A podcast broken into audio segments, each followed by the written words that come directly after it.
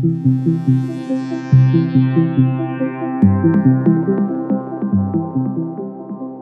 ազգային ժողովի ամբիոնից ձեզ եմ դիմում տրանսգենդեր կին։ Բայց խնդրում եմ, ինձ ընդունեք որպես հավաքական կերպար։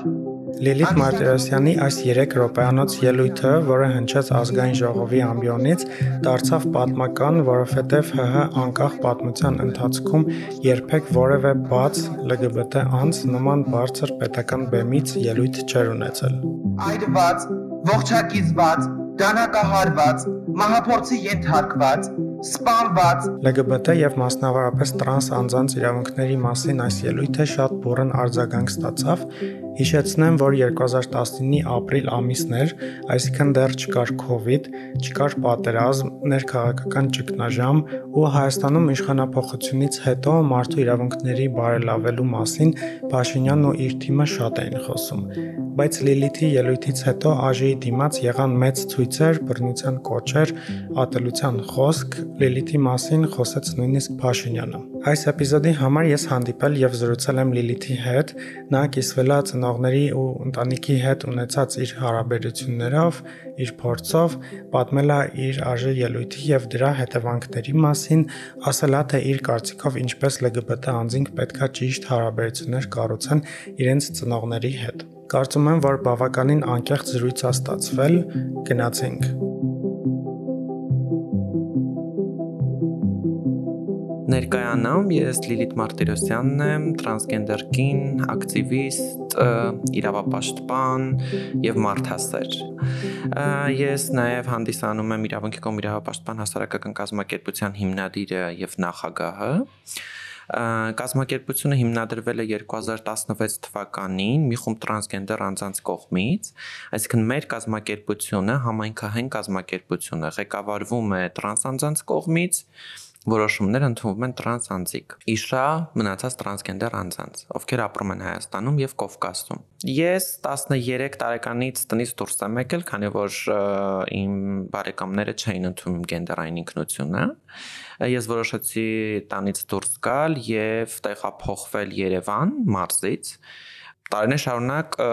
չեմ կարողացել աշխատանք գտնել, սակայն ինձ հաջողվել է աշխատել որպես խոհարար ռեստորաններից մեկում այնուհետև դրան հետ մեկտեղ նաև սեքս աշխատանք եմ արել որպեսզի կարողանամ գումար հայթայթել իմ հորմոնոթերապիայի սարափոխության եւ բնակարանի վարձակալության համար եւ տարիներ շարունակ կամավորական աշխատանքներ եմ արել մի շարք հացարական կազմակերպությունում կազմակերպություններում որտեղ նաև մեծ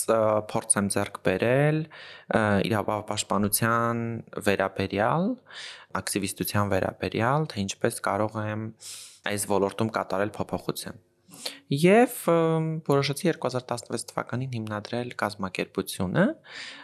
տարբերությունը ինչն է մյուս կազմակերպությունների նախ մենք առաջին եւ առաջատար տրանս կազմակերպությունն ենք, ով զբաղվում է տրանսգենդեր անձանց հարցերով, հիմնահարցերով Հայաստանում։ Դու ասացիր, որ շատ վաղ տարիքից դուրս ես եկել տանից, որովհետեւ քեզ չեն ընդունել։ Կարող ես մի քիչ կիսվել այդ փորձով։ Ինչ խնդիրների բախվեցիր, ոնց ստացվեց, որ coming out արեցիր։ Նախ ուզում եմ շեշտել, որ Հայաստանի Հանրապետության մարզերում խայտարակ իրավիճակ է տեղի ունենում հիմա եւ նամանավանդ տարիներ առաջ որտեղ անգամ պատկերացում չունեն մարդու իրավունքներից մասնավորապես քո գենդերային ինքնությունից, սեռական կողմնորոշվածությունից չունեն այդ կրթությունը, չունի հասարակությունը։ Եվ իմ համար դժվար էր այդ անընդհատ պայքարը անընդհատ ներկայացնել իմ գենդերային ինքնությունը շատ անգամներ դրա մասին բարձրաձայնել եմ իմ ընտանիքի մոտ եւ առհասարակ իմ հարազատների մոտ բարեբախտաբար հիմա շատ լավ հարաբերությունների մեջ եմ իմ ընտանիքի անդամների հետ շփվում եմ իրենց հետ մենք բարբերաբար հանդիպում ենք գնում ենք հանգստի դա իմ համար դա իմ մոտ հաջողված պատմություններից մեկն է, որը չեմ ասի մնացած տրանսանձանց մոտ, որտեղ որ չի ստացվում այդ կապը, ծնողները չեն կարողանում ընդունել։ Իմ մոտ դա հաջողվեց, դժվար էր, դժվար էր բացատրել, թե դու ինչ ես ուզում հասարակությունը տեսնում է, տեսնում էր ու նույնը հիմա է շարունակվում քո արտակինը, եթե դու ծնվել ես տղա, չես կա, չի կարող քո գենդերային ինքնությունը լինել կին։ Այսինքն դու քո մեջ մեջ պայքար ես։ Պայքար ես, երբ որ ես կանգնում եի հայելու դեմ, նայում էի, որ իմ մարմինը չի համապատասխանում իմ հոգեբանական աշխարհի հետ, իմ ինքնության հետ, որտեղ որ ես զգում եմ կին, սակայն իմ արտակինը տղամարդու է, տղա է, ու ես վերջապես որոշեցի, որ պետքա դուրս գամ տանից, քանի որ չընդունված էի հարազատների կողմից, ընտանիքի կողմից, եւ դուրս գալուն պես եկա քաղաք ու գումար աշխատեցի, որպեսզի կարողանամ իմ արտաքին տեսք համապատասխանացնել իմ գենդերին։ Ահա։ Կարծես շատերի մոտ է հենց այսպես ստացվում։ Մանավանդ տրանս անձանց մոտ։ Հիմնականում այո, LGBT անձանց մոտ նույնպես, քանի որ այդ չընդունվածությունը ընտանիքի կողմից շատ մեծ է, բայց շատ դեպքերում տեղի ունենում հենց այդ տրանս անձանց նկատմամբ։ Իմ համար որպես իրավապաշտպան, որպես տրանսկին անընդունելի է երեխայի նկատմամբ բռնությունը, ֆիզիկական կամ հոգեկան ցանկացած բռնությունը, որ հիմա տեղի ունենում Եվ ստիպված տրանս մարդիկ իրանց տանից դուրս են գալիս։ Դուրս են գալիս բախտի կմահաճիքին թողելով իրանց կյանքը, թե ինչպես կդասավորվի, մենակ ընտանիքում չապրեն, որովհետև այնտեղ հարազատների կողմից այդ բռնությունները ավելի շատ է։ Տրանս մարդիկ կան, որոնք որ առհասարակ չեն ընդունվում ընտանիքի կողմից։ Իրանք ապրում են քաղաքում, զբաղվում են սեքս աշխատանքով, քանի որ ուրիշ տարբերակ չկա ուղակի, ոչ մի աշխատանք չեն տրամադրում նրանց Չեմ ուզում խտրականություն դնեմ լեսբի, գեյ, բիսեքսուալ անձանց եւ տրանս անձանց, հա, միջև համեմատականներով երբ որ տանում եմ, գեյ մարդը կարող է թաքցնել իր սեռական կողմնորոշվածությունը ու աշխատել սրճարաններում կամ ցանկացած այլ տեղ կամ բիսեքսուալ կամ լեսբիանցը սակայն տրանս մարդը չի կարողանում այդ աշխատանքը գտնել, որտեղ իր արտաքին գենդերը առհասարակ ինքը մի հատ մեծ խնդիր է Հայաստանի Հանրապետությունում ու այսպիսով իրանք փորձում են աշխատանքի միջոցով, սեքս աշխատանքի միջոցով, որը հիմա անում են Հայաստանում, փորձում են գումար հայթայթել իրանք հորմոնների համար, հորմոնալ դեղորայքի, բնակարանի վարձակալության, այդ սոցիալական վիճակը բարելավելու համար։ Քո աշխատանքային փորձի ընթացքում ինչ որ դրական օրինակներ դու տեսել ես, որոնք որ sense բան են, inspiring են եղել Միանշանակ բոլորովին վերջերս բականատես եմ եղել մի այդպիսի դեպքի, երբ որ ծնող մայրը չգիտեր իր տրանս աղջկա վերաբերյալ, հետո իմացել էր, իրենք հեռախոսային զրույցներ էին ունեցել եւ մայրը ցանկություն էր հայտնել, որ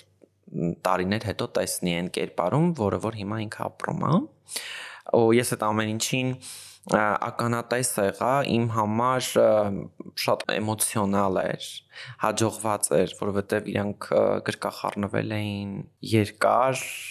ու իր մայրը շատ ջերմ անգամ հարազատները հա իրան աջակցում էին օգնում էին այսպեսի հաջողված պատմություններ իհարկե կան որը ինձ ավելի են ուրախացնում, ավելի են ուժ են տալիս, որպեսզի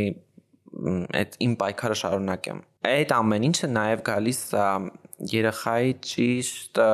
դրսևորումներից, գալիս է ճիշտ բացատրելուց, որ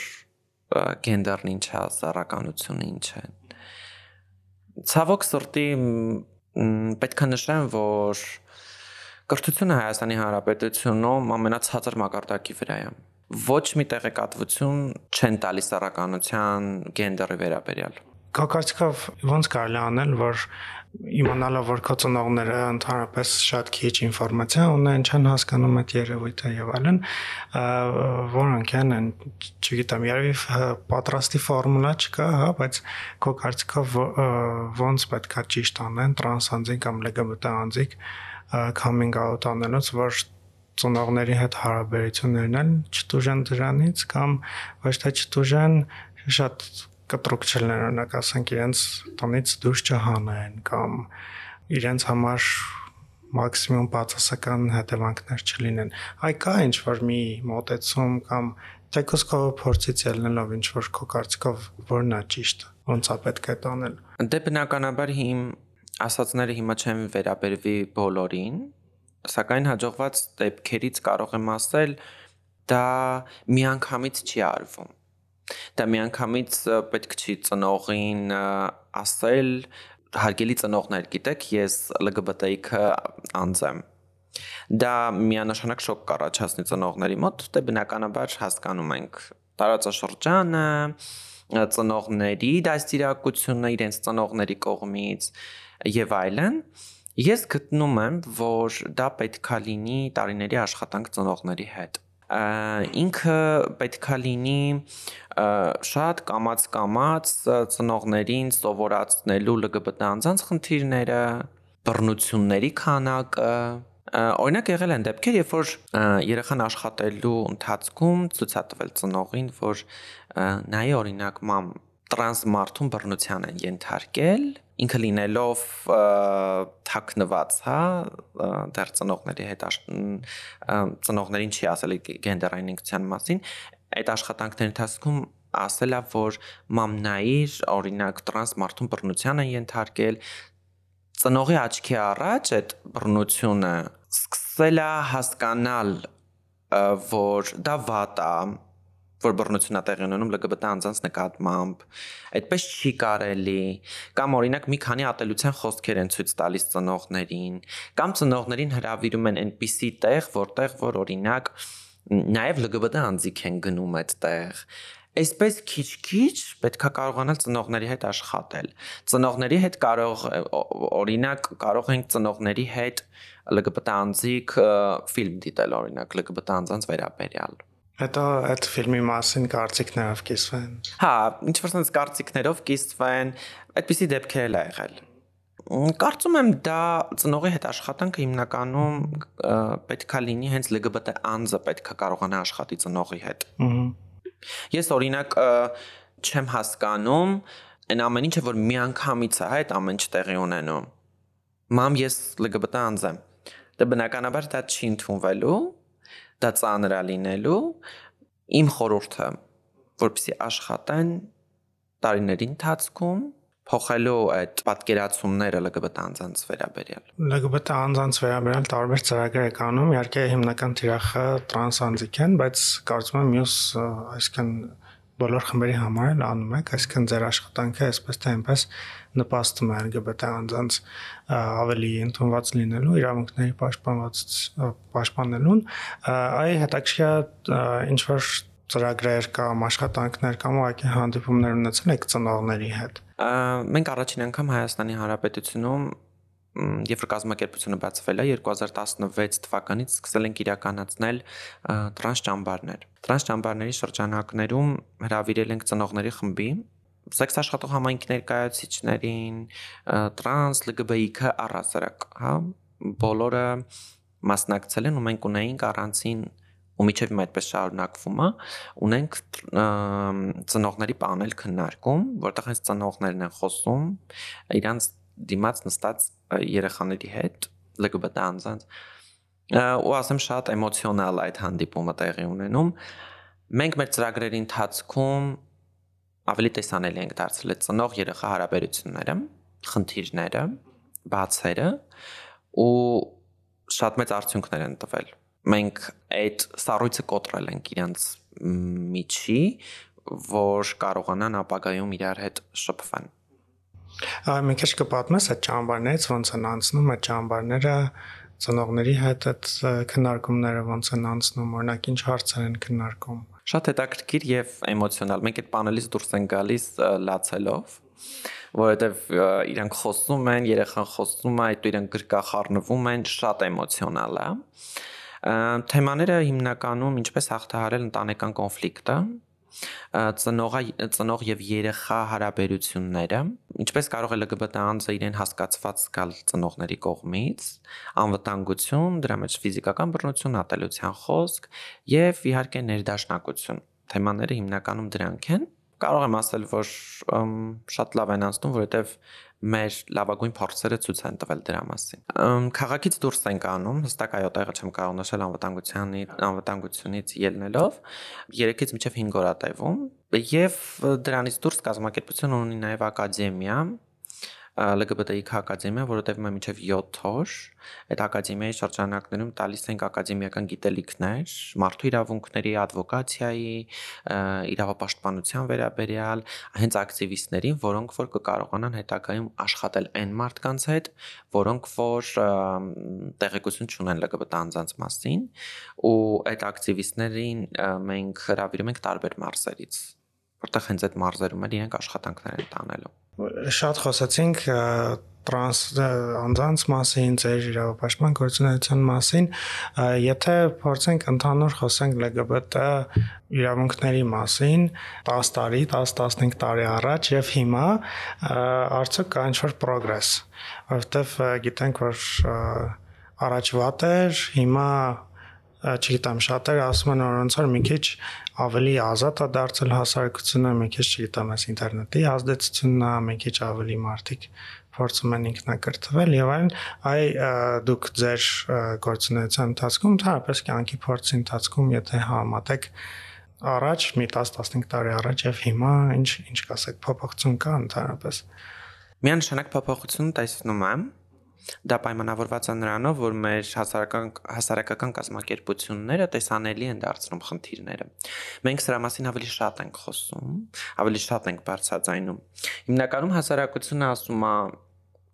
ձեր սեռականությունը մի բերեք մցրեք մեր աչքը։ Մենք սովորաբար մեր սեռականության մասին շատ քիչ ենք խոսում։ Դրա մասին հասարակությունը ավելի շատ է խոսում, քան ինքներս մենք մեր մասին։ Բոլորը LGBT անձանց մասին են խոսում սկսած պաշտոնյաներից մինչև մինչև չգիտեմ տարբեր ոլորտների մարդիկ անընդհատ շահարկում են խոսում են LGBT անձանց մասին մենք ընդհանրապես ասում ենք որ Հայաստանի Հանրապետությունում կան LGBT անձիկ որոնք որ ունեն բոլոր այն իրավունքները, որը ունի մնացածը Այսինքն օրենքը բոլորիս համար հավասար է։ Մենք խոսում ենք օրենքներից։ Ես չեմ իմ հարցազրույցներում երբևիցե չեմ անդրադարձել։ Գիտեք ինչ կա։ Երկու տղամարդ այսպես են անում կամ երկու կին այսպես են անում, երբևիցե այդպիսի բան չի եղել։ Իրանք են ավելի շատ խոսում այդ անկողնային հարաբերություններից։ Զառականությունից ավելի շատ են խոսում։ Ես խոսում եմ իրավապաշտպանությունից, խոսում եմ մեր իրավունքներից, որպես որ, որ հարգվի մեր իրավունքները հաստա միանշանակ փոփոխություններ տեսնում եմ սակայն ատելության խոսքի վերաբերյալ չեմ տեսնում փոփոխություն, այլ ավելի է սկսվել։ Դե բնականաբար դա տեսանելիությունը մի կողմից բարձրանում է եւ մի կողմից բարձրանում է նաեւ ատելության խոսքը։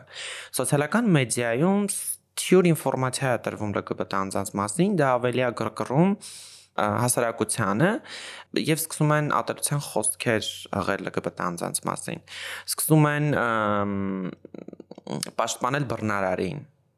որ ճիշտ են արել, լավ են արել, այդպես պետքա շարունակվի, խմբեր են ձևավորվում LGBT անձանց դեմ, որ պետքա, չգիտեմ, փողոցում տեսնել բռնության ենթարկել, դպրոցում ծեծել, Այսպիսի բաներ կան հիմա Հայաստանում, ինչպես մեր վերջի դեպքերն են։ Մենք 3 ամսվա ընթացքում արդեն հասցրել ենք փաստագրել 5 դեպքեր բռնության, ծեծի դեպքեր, որը որ տեղի ունեցել Երևանում։ Ցավոք սրտի հիմա այդպես է Հայաստանում։ Նաև կարող եմ ասել, փոփոխությունը մի կողմից տեսանելի է որ որ իրավապաշտպաններն են դրա մասին խոսում, ցավոք սրտի պետք է նշեմ, դա պետության կողմից կառավարության կողմից չկա։ Ահա։ Այս մոտեցումները չկան։ Մի տեսակ իրանք նեղվում են LGBT LGBT բառից այդ հավաքական կերպարից նեղվում են ու իրենց ցանկացած նախագծերի մեջ չեն ուզում տեսնել այդ LGBT անձանց LGBT բառը։ Կարծես թե չգիտեմ դա ինչ է Բայց կարծում եմ մեր աշխատանքների շնորհիվ մենք կհասնենք նրան, որ դպրոցներում էլ համալսարանում էլ եւ կառավարության ներկայացուցիչներն էլ կսկսեն խոսալ այդ LGBT անձանց մասին Նախկինում գիտենք, որ եթե LGBT անձի վերաբերյալ ինչ որ բռնություններ տեղի ունենում, ոստիկանությունը դրան կամ կոծկում են կամ թերապես ոչման չէին անում, տենց անցնում Հիմա էլ է այդպես։ Հիմա ոնց է, հա։ Հիմա էլ է այդպես չկա այդ մոտեցումը LGBT անձանց, չկա այդ տոլերանտությունը։ Պետությունը կենտրոնացված է հիմա պատերազմի լուծման տարբերակներ գտնելու համար։ Այդ ամբողջ ինչ որ ստեղծվեց, ստեղծվել է։ Ոստիկանությունը կարծես թե աչքա փակում էս ամեն ինչի վրա։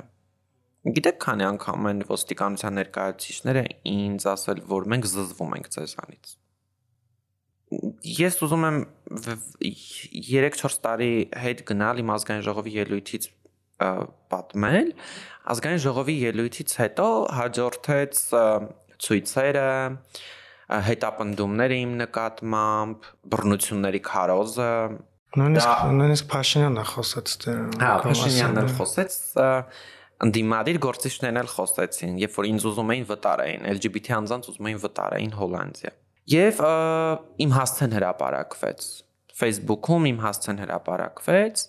եւ բոլորը արդեն գտել էին իմ տան տեղը եւ արդեն այնտեղ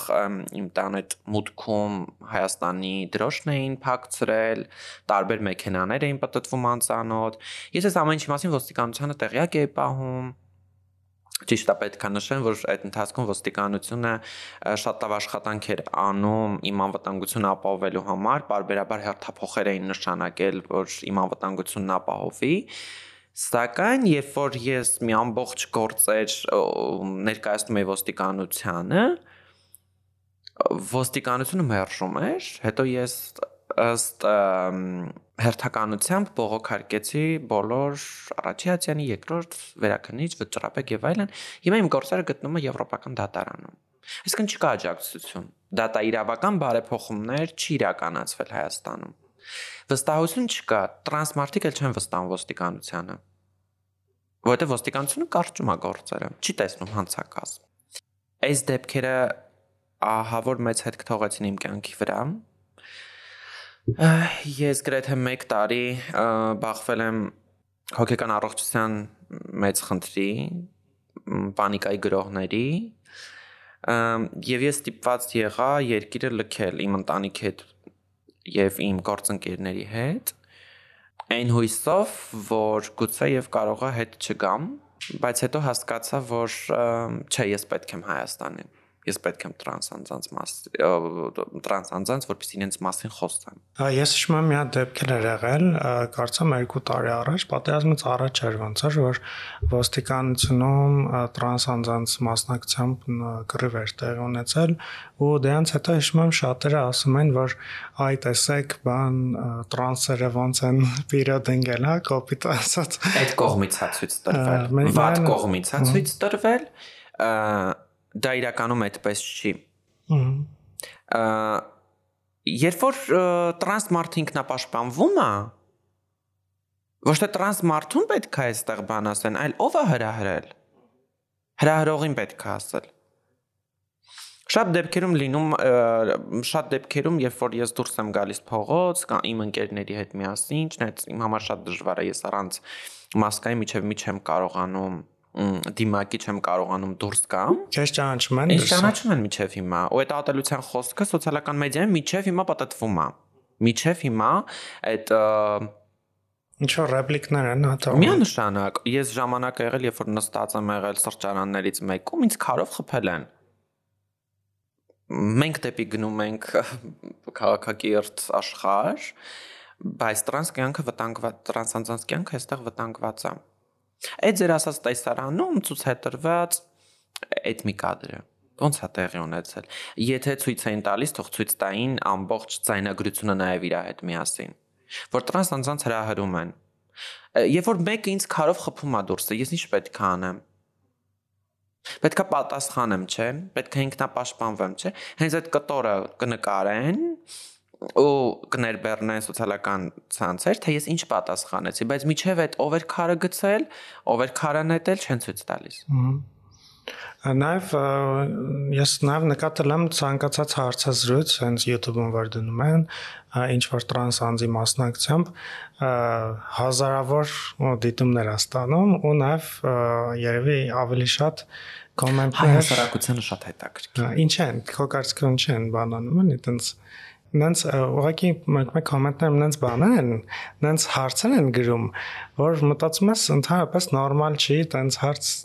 ունենալ, էլ ասենք ուրիշ մարդու անձնական կյանքի վերաբերյալ արտաքին տեսքի վերաբերյալ Ես հիմա կբացատրեմ ինչով է դա պայմանավորված։ Ես ունեմ մի շարք շատ ընկերներ ունեմ հետերոսեքսուալ, որոնց որ բացարձակապես հետաքրքիր չէ LGBT անձանց կյանքը։ Ասում են, օրինակ, ես ոնց եմ իմ ընկերոջ հետ, հա, օրինակ ունեմ հետերոսեքսուալ կին ընկեր, որ ասում է, ես չեմ հետաքրքրվում LGBT անձանց կյանքով։ Ես իրանց ընդունում եմ այնպես ոնց որ կան։ Ամենը շատ աղմուկը հանում են այն մարդիկ, որոնք որ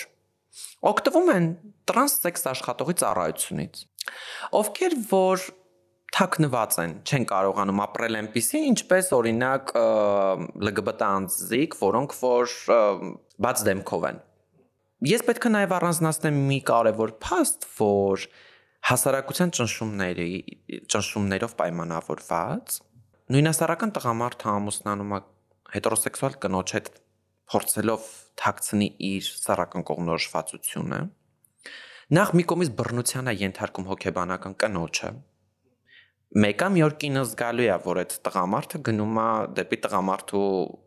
չգիտեմ կապը տղամարդու հետ կա կամ հակառակը կինը ու այստեղ ինչ առաջանում բռնություն հասարակության կողմից հենց LGBT անձանց որոնք որ թաքնված են Հենց այս թաքնված LGBT անձինք, որոնք որ ամուսնացել են ու իրանք չեն կարողանում դա արտահայտել, սկսում են արտահայտել սոցիալական մեդիայում ատելությամբ։ Եվ այդպիսի հետազոտություններ կա. Հոմոֆոբիան ամենաշատը դրսևորվում է հենց նույն համայնքի ներկայացների կողմից, որոնց կյանքը չի ստացվել։ Ցավոք սրտի այդպես է։ Ես իհարկե չեմ ասում, որ հետերոսեքսուալներն էլ չեն ատում LGBT անձանց, բայց ամենաշատ այդ attack-ը գալիս է հենց այդ նույն համայնք ներկայացնից, որոնք որ թաքնված են։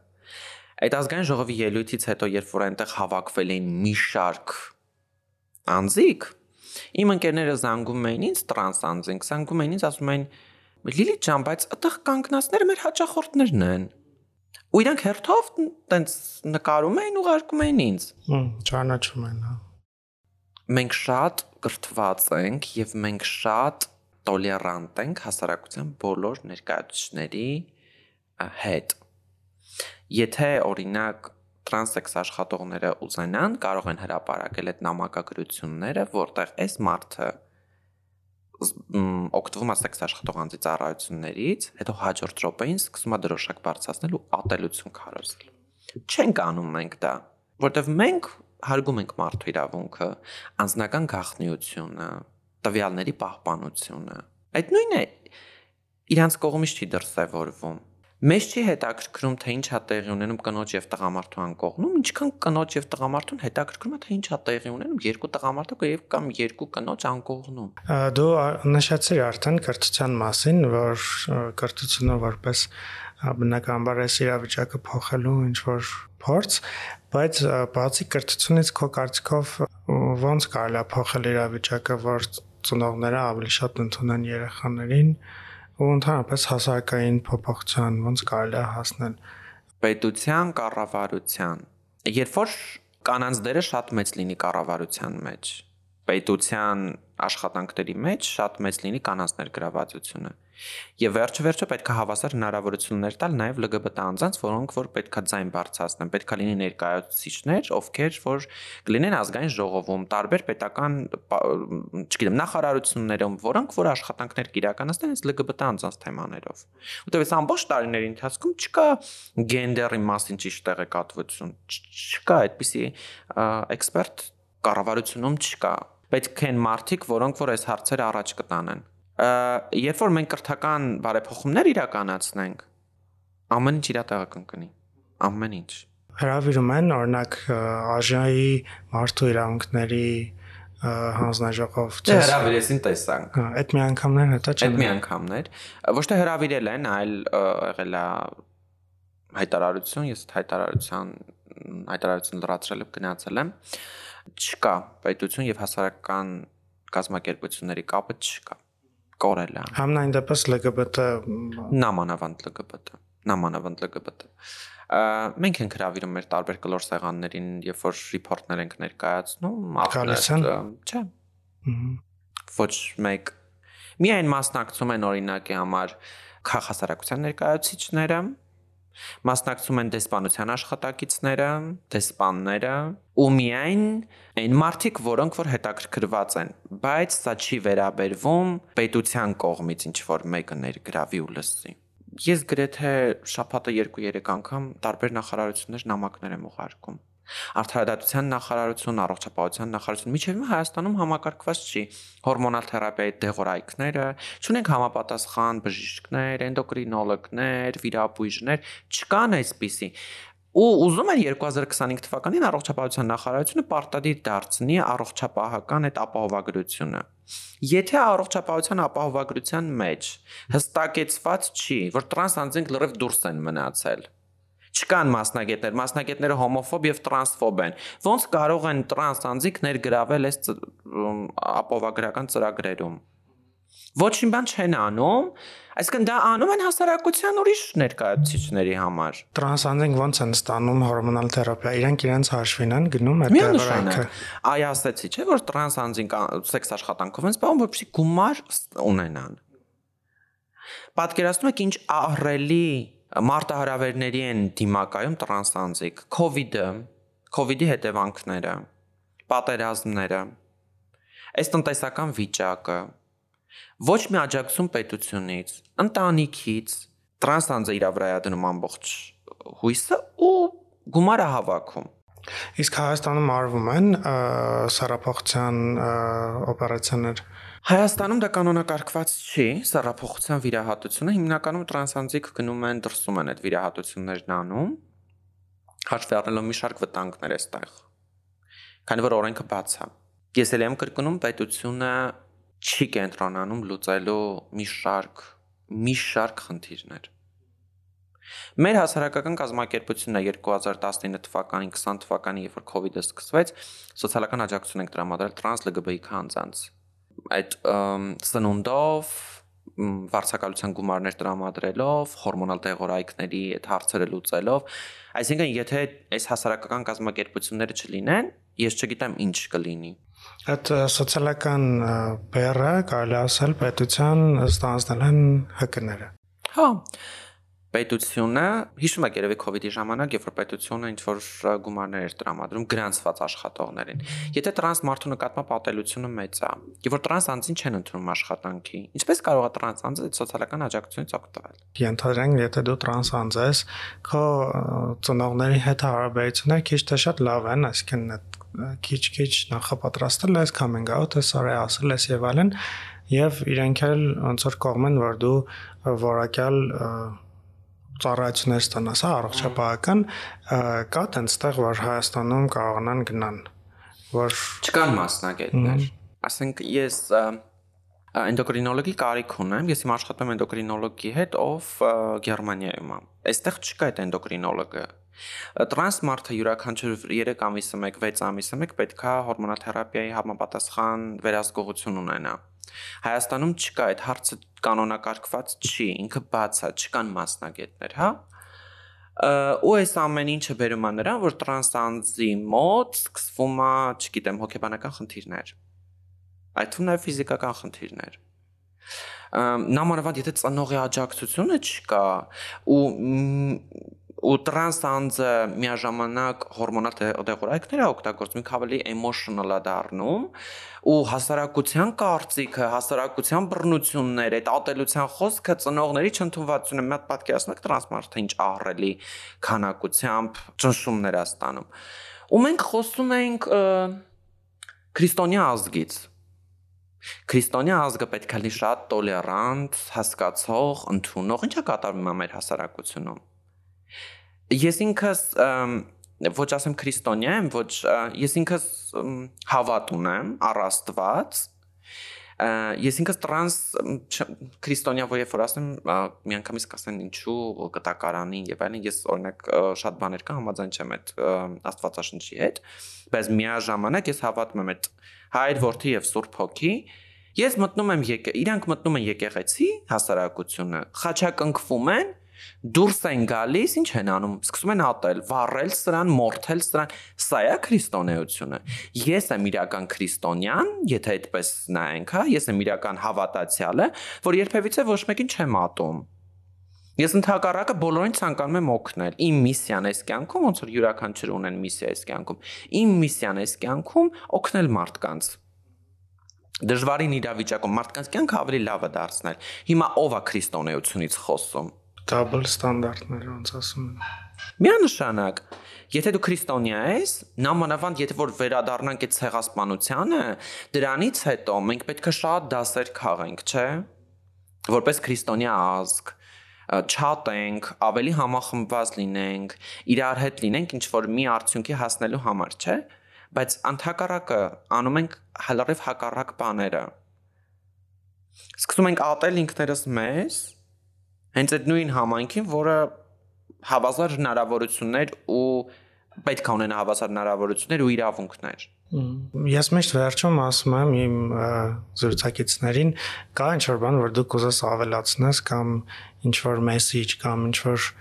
խորհուրդ, չգիտեմ, ինչ-որ բան, որ քո կարծիքով կարևոր է, որ չես ասել եւ կուզես ասես, որ մարդիկ լսեն։ Ես 3 մեսեջ ունեմ ասելու։ Դա առաջինը վերաբերվում է այն երկրին, որտեղ որ ես ապրում եմ, ուզում եմ շարունակել ապրել, ես չեմ ուզում արտագաղթել Ու շատ տրանսմարտիկ LGBT անձիկ չեն ուզում արտագաղթել, այս երկիրը սիրում են։ Առաջին մեսեջս պետությունը, կառավարությունը պետք է ընդունի այն օրենքները, որտեղ որ LGBT անձիկ իրենց ապահով կզգան այս երկրում, որպես ՀՀ քաղաքացիներ։ Ու սրա մեջ մտնում է նաև առողջապահության նախարարության աշխատանք, արդարադատության նախարարության աշխատանք եւ մնացած։ Երկրորդ մեսեջս վերաբերվում է հասարակությանը. Դադարեք ատել LGBT անձանց, որովհետև դուք ճիշտ տեղեկատվություն չունեք իրանց մասին։ Երբ որ ճիշտ տեղեկատվություն կունենաք ու կշփվեք այդ մարդկանց հետ, նոր կարծիք կձևավորեք։ Մենք չենք ատում ձեզ, բայց դուք մեզ ատում եք։ Եվ երրորդը մեսեջս LGBT քանձանց, որ երբեք չվախենան բարձրաձայնելու իրանց իրավունքների մասին, որովհետև մենք հավասար քաղաքացիներ ենք, ունենք բոլոր արժեքները ու բոլոր իրավունքները այս երկրում մեր ձայնը բարձրացնելու համար։ Եվ մի հատ էլ մեսիջ ծնողներին, որ ծնողները իրանց երեխաներին պետք է ընդունեն այնպիսին, ինչպիսին իրենք կան։ Եթե օրինակ ես մի օր որոշեմ, որ պետք է երախավորթե գրեմ, երբ որ ինքը մեծանա ու ինձ ասի, որ ես ես LGBT-ի քանց եմ, օրինակ տրանսանց եմ, նույնասեռական տղամարդ եմ, միանշանակ ես հասկանալու եմ, որտեղ ինքը իմն է։ Որտեղ ծնողը պետք է երեխային հետ աշխատի ու իրան ուշ տա այդ հասկանալով։ Այսքանը լավ, մերսի շատ։ Ձեզ նույնպես շատ շնորհակալ եմ այս հարցերը բարձրաձայնելու համար, որովհետև շատ կարևոր է։ Եթե մենք այս հարցերը չբարձրաձայնենք, հասարակությունը տեղեկություններ չի ունենալու առհասարակ ինչա կատարվում։ Դե ինչ, սա մի սարյուն ոդքասթի վերջին էպիզոդն էր։ Հուսով եմ հավանեցիք եւ ամեն մեկը ձեզ համար ինչ որ բան կտանեք այս ոդքասթից։ Անչափ շնորհակալ եմ ոդքասթի բոլոր հերոսներին իրենց պատմությունները եւ փորձը պատմելու ու անկեղծանալու համար։ Նաեւ շնորհակալ եմ քեզ, որ լսեցիր այս էպիզոդը։ Կարող ես բաժանորդագրվել իմ սոցիալական ցանցերին։ Բոլոր հղումները կդնեմ նկարագրության մեջ։ Շնորհակալություն ու մինչ նոր ոդքասթ։ Վստահ եմ, որ սա վերջինը չէր։ Կհանդիպենք շուտով։ Մինչ